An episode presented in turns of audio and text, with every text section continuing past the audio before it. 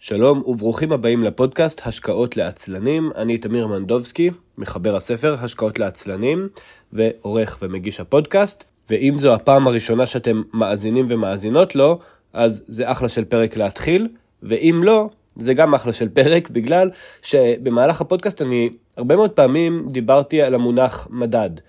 אתם כבר יודעים, אם זו לא הפעם הראשונה, שאני לא מדבר על מדד המחירים לצרכן, אלא על מדדי מניות מובילים בדרך כלל, אבל יש עוד סוגי מדדים, כמו מדדי אג"ח למיניהם, אנחנו נדבר על זה בפרק הזה, וייתכן ושאלתם את עצמכם שאלות מאוד חכמות, כמו רגע, רגע, שנייה, אבל אני מבין או מבינה שזה מדד מניות פסיבי, אבל מי מרכיב את המדד הזה? מה האינטרס שלהם? ממה הם מרוויחים? היום בפרק הזה אני ראיינתי את ירון דייגי, שהוא מנהל בחברת אינדקס מדדים. זו חברה שהיא לא עושה כלום חוץ מלייצר מדדים טעימים. הרעיון הזה התקיים בזום, אז האיכות אה, שמע שלו היא מעט נמוכה יותר ממה שאתם רגילים, לא נורא תסלחו לי, זה רק 20 דקות. ובשיחה הקצרה הזו, היא הייתה יותר ארוכה, אני פשוט ערכתי אותה לשיחה קצרה, אנחנו נגלה את כל מה שאתם צריכים וצריכות לדעת על מדדי מניות ומדדים בכלל. איך מייצרים אותם, מה האינטרס של מי שעושה את זה. ואם עכשיו אתם אומרים לעצמכם, נו די, שמענו מספיק על מדדים, אז אני אגלה לכם שאני בעצמי למדתי אפילו משהו חדש בפרק הזה. האזנה נעימה, פתיח ומתחילים. היי ירון, מה נשמע? אהלן, תמיר, כיף להיות פה, תודה. Uh, תודה לך שנתת מזמנך. Uh, היום אנחנו ננסה להבין uh, מה זה מדד. אני גם בהרצאות שלי וגם בספר uh, מסביר הלכה למעשה מה זה מדד, אבל אנשים שהם אה, סקרנים אה, ורוצים ללכת את האקסטרה מייל, אה, שואלים את עצמם, ובצדק, רגע, רגע, רגע, אבל מי קובע מה זה, ומה זה המדדים האלה? ומי מחליט, ולמה זה S&P, ו- ולמה בתל אביב זה אין איזושהי חברה שמחליטה את זה. כל מיני שאלות מאוד חכמות. אני לא חושב שיש מישהו מתאים יותר לשאול אותו שאלות על מדדים uh, מאשר uh, מנכ"ל בחברה ש- שזה מה שהיא עושה, היא עושה מדדים, שזו גם שאלה שהרבה שואלים אותי, מה האינטרס שלכם? אז יש הרבה מאוד uh, שאלות מאוד מעניינות בקשר לזה, וכיאה לפודקאסט ולערוץ היוטיוב השקעות לעצלנים, אנחנו ניגש ישר לעניין, נשאל אותך מה שלומך קודם כל, בשם הנימוס. מצוין, ובוא נצלול. אז קודם כל, מדד זה רשימה של ניירות ערך. זה יכול להיות רשימה של אגרות חוב ממשלתיות, רשימה של אגרות חוב קונצרניות, רשימה של מניות בארץ, רשימה של מניות בחו"ל. כל רשימה יש לה כללים, מי זכאי, איזה מניה, איזה אגרת חוב זכאית להיכלל באותה רשימה, ואיזה מניה כבר לא עומדת בתנאים ולכן היא חייבת לצאת מהרשימה.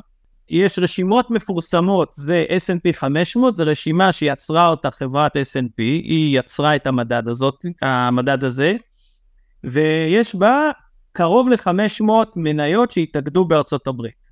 רשימה מפורסמת אחרת זה תל אביב 125, זה רשימה שהבורסה לניירות ערך בתל אביב יצרה אותה, ויש בה קרוב ל-125 מניות, לפעמים יש קצת יותר, קצת פחות, דקויות לא ניכנס לזה. עכשיו, קובעים כללי סף, מי זכאית להיכנס ומי צריכה לצאת. לדוגמה, במדד S&P 500 קבעו שזה 500 החברות שהתאגדו בארצות הברית, זאת אומרת חברה כמו טבע הישראלית לעולם לא תהיה ב-S&P 500, חברה כמו לואי ויטון, חברת האופנה הכי גדולה בעולם, היא אירופאית, היא לא תהיה ב-S&P 500, סמסונג הקוריאנית לא תהיה ב-S&P, למה? כי היא לא חברה אמריקאית, היא לא עומדת בתנאי הסף. מי כן תיכנס? אפל האמריקאית, מייקרוסופט האמריקאית, פורד האמריקאית, הן זכאיות להיכנס, ואמרו שמי שזכאית להיכנס זה החברות הגדולות, אלה שיש להן שווי שוק גבוה. אז זה כלל ראשון, מי זכאית להיכנס. כלל שני, זה באיזה משקל. אז יש כל מיני שיטות של רשימות למשקולות. לדוגמה, מדד תל אביב 125 קבע שהמניה, לא משנה כמה גדולה היא תהיה, אפל תחליט להיסחר בבורסה הישראלית, היא תקבל את המשקל של חמישה אחוזים. זהו. לא 7.6 כמו שהיא ב-S&P 500, או 12 אחוזים כמו שהיא בנאסדק 100, 5 אחוזים. למה? ככה, כי עורך המדד, חברת המדדים שלצורך העניין הבורסה לניירות ערך, זה מה שהיא קבעה. סף מקסימום למניה. אוקיי. Okay. אוקיי, okay, עכשיו, ברור שזה מאוד מאוד משמעותי אם אפל תהיה 12% במדד, 30% במדד או 5% במדד, נכון? זה מאוד נכון. ישנה.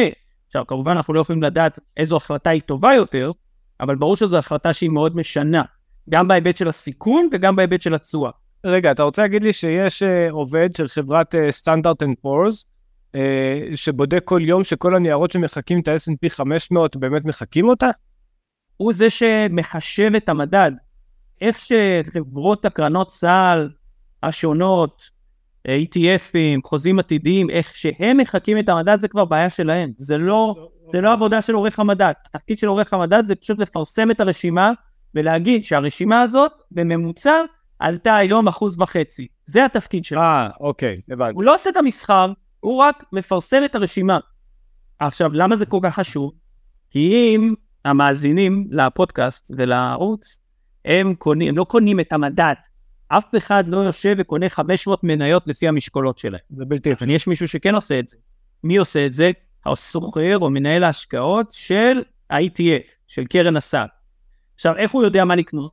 צריך למעשה כל יום לעשות את זה, לא? כל יום הוא חייב לדעת מה המשקל של מניית אפל.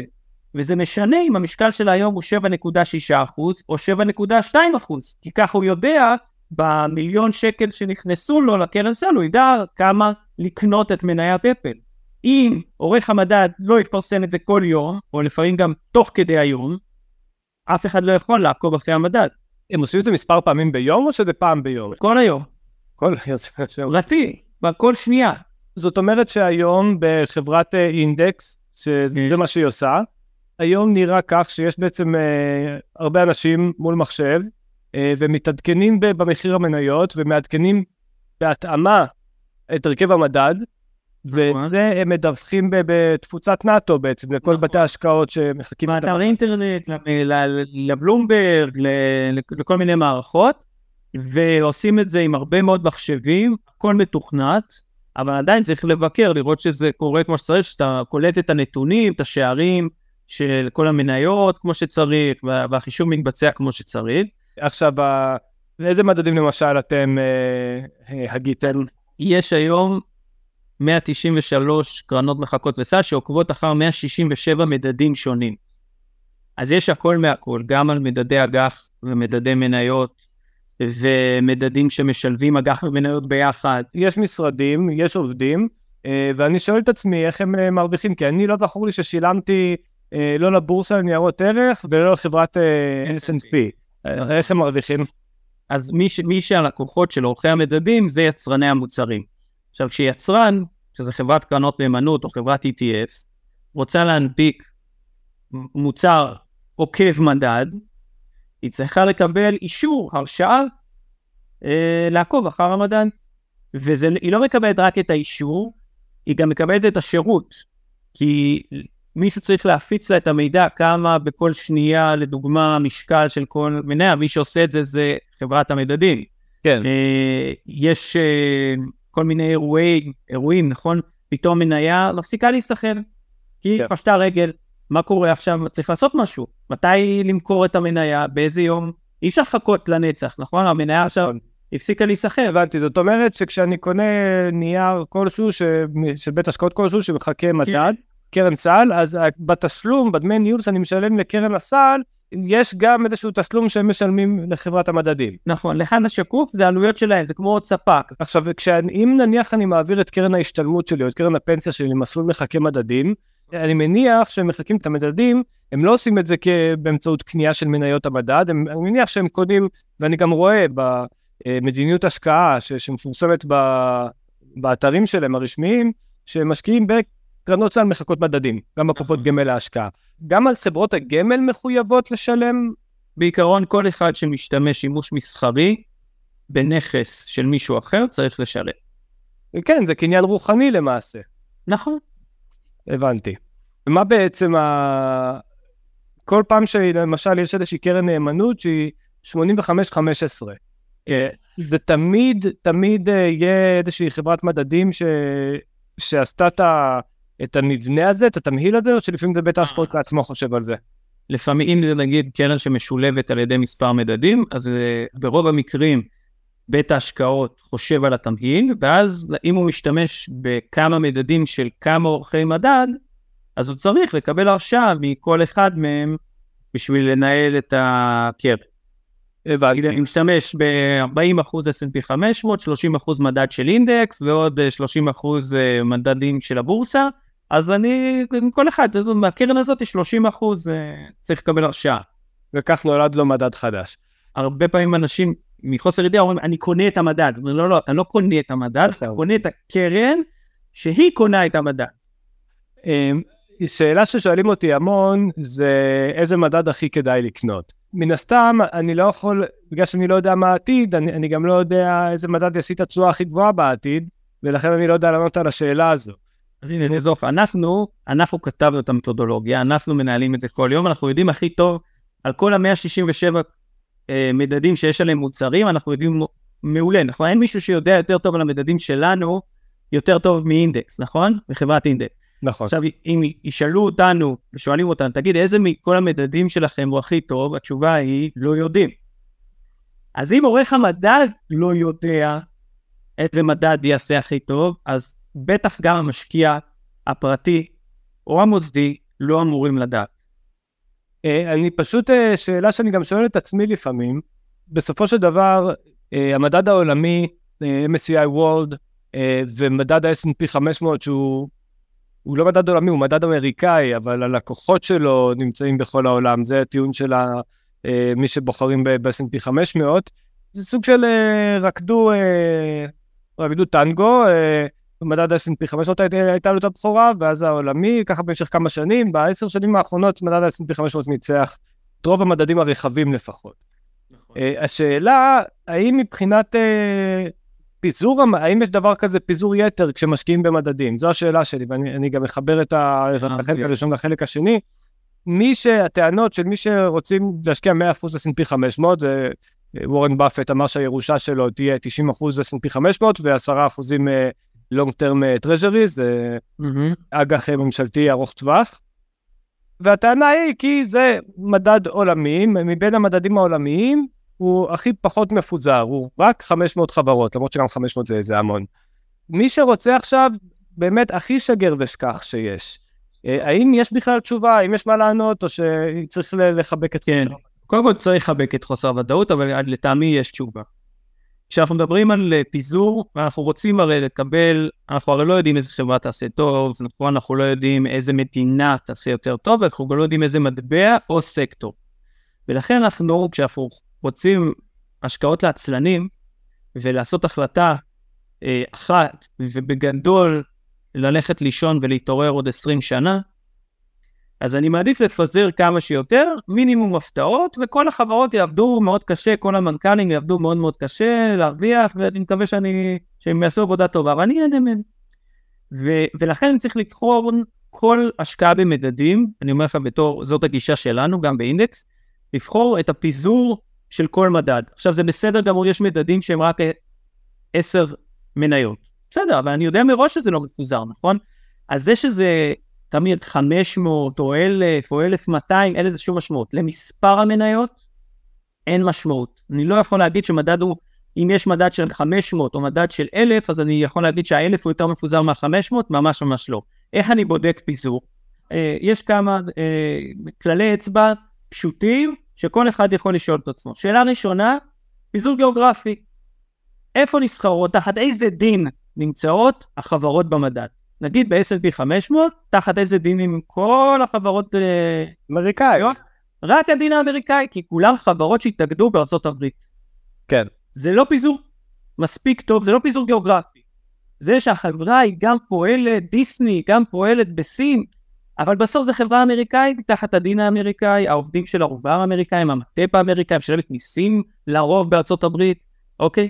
זה לא פיזור גיאוגרפי. אוקיי, שאלה שנייה זה פיזור מטבעי.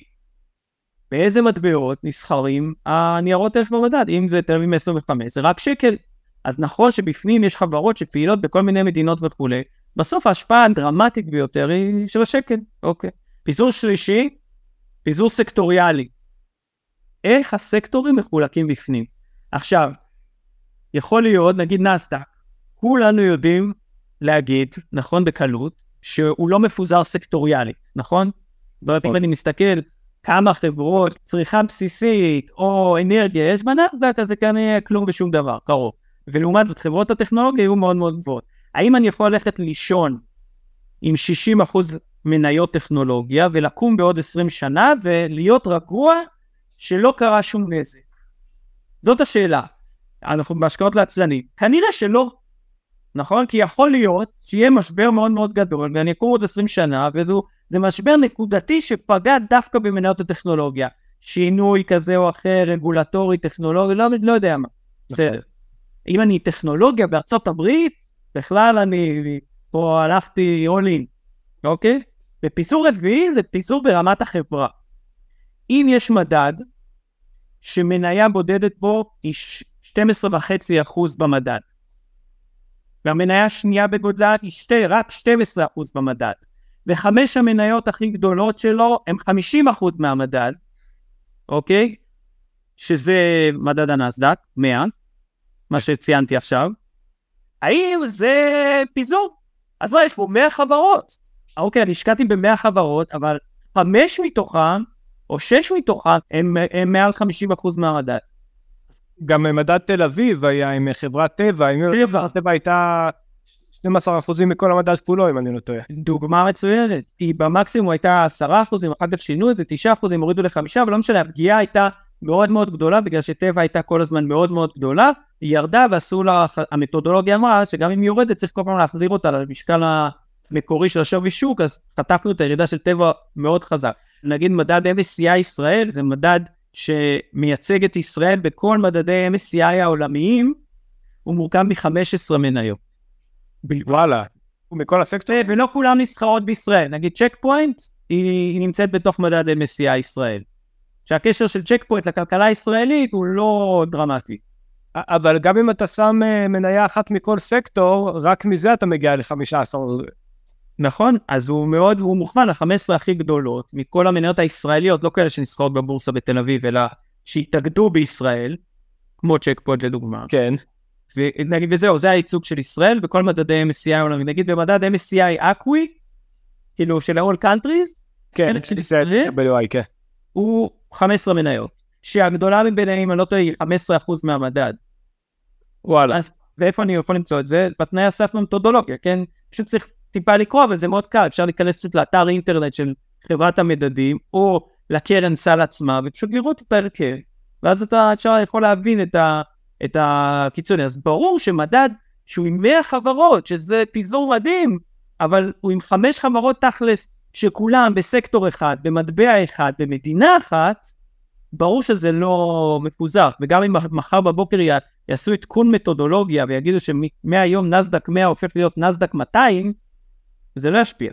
האמת שאתה אה, משכת את תשומת ליבי עם השניים הראשונים, אה, אני יכול לשאול אותך עליהם איזה שאלה? כן, כן. כל אחד סבבה. אז קודם כל על הגיאוגרפי, דיברת על הריכוז אה, סיכון רגולטורי או משפטי. כאילו אם למשל אנחנו קוראים את מדד ה-S&P 500, אז אנחנו בעצם כפופים לבית המשפט האמריקאי ב-100%. אבל מצד שני, גם מי שקונה מדד עולמי, אז הוא כפוף לבית המשפט האמריקאי ב-60 אחוזים. והשאלה אם יש לדילמה הזו איזשהו, איזשהו פתרון. יש איזושהי רמה של פיזור שאתה, זהו, זה פיזור, מה שנקרא סיכון, הסיכון השיטתי, סיכון השוק שאותו לא ניתן לפזר. כן. סיכון ספציפי, אתה יכול לפזר. הרי ברור לנו שלהחזיק 100% מההשקעות שלנו בישראל זה לא פיזור מספיק, נכון? נכון. ההיגיון הזה תקף לגבי כל מדינה בעולם. תחליף את ישראל לכל מדינה אחרת, וה... והתשובה אותה תשובה. ותשואות העבר הן ממש לא רלוונטיות. כי לפי צורות העבר ב-1990 היינו מנהלים את השיח הזה והיינו מגיעים להחלטה שאנחנו חייבים לפחות 50% מהפנסיה שלנו לשים ביפן. נכון, כן.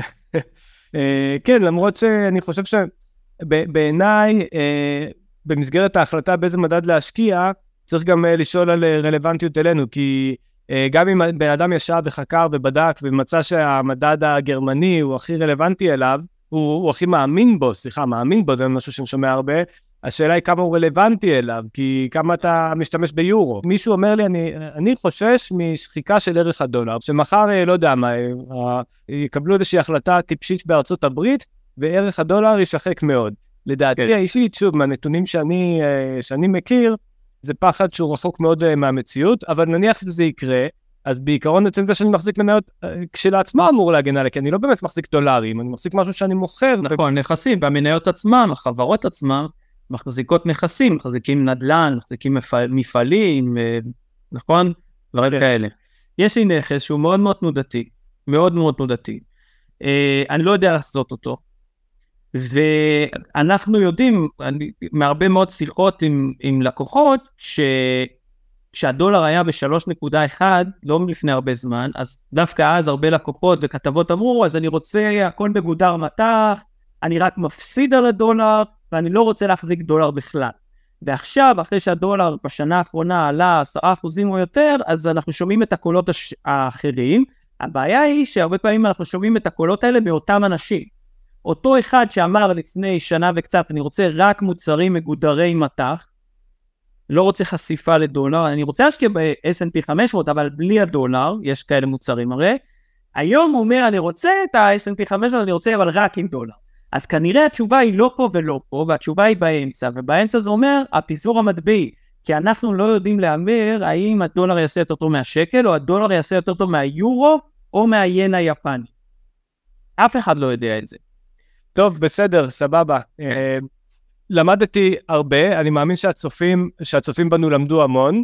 תודה רבה, קודם כל רציתי להגיד לך תודה רבה על, על, על הזמן שלך. כיף, אני חושב שאתה, שאתה עושה עבודה מדהימה להנגיש את התחום הזה של השקעות פסיביות uh, לציבור, ואני חושב שיש עוד, uh, יש באמת עוד הרבה מקום, ו... המון.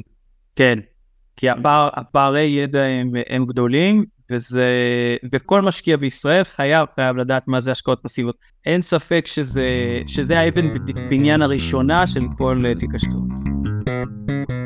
תודה רבה לירון דייגי מחברת אינדקס, החברה שלא עושה כלום חוץ מלייצר מדדים. תודה רבה לכם שהאזנתם לנו, מקווה שקראתם כבר את הספר השקעות לעצלנים, אם לא, אז אתם כנראה כבר מהאחרונים, ונתראה בפרק הבא של השקעות לעצלנים, הפודקאסט.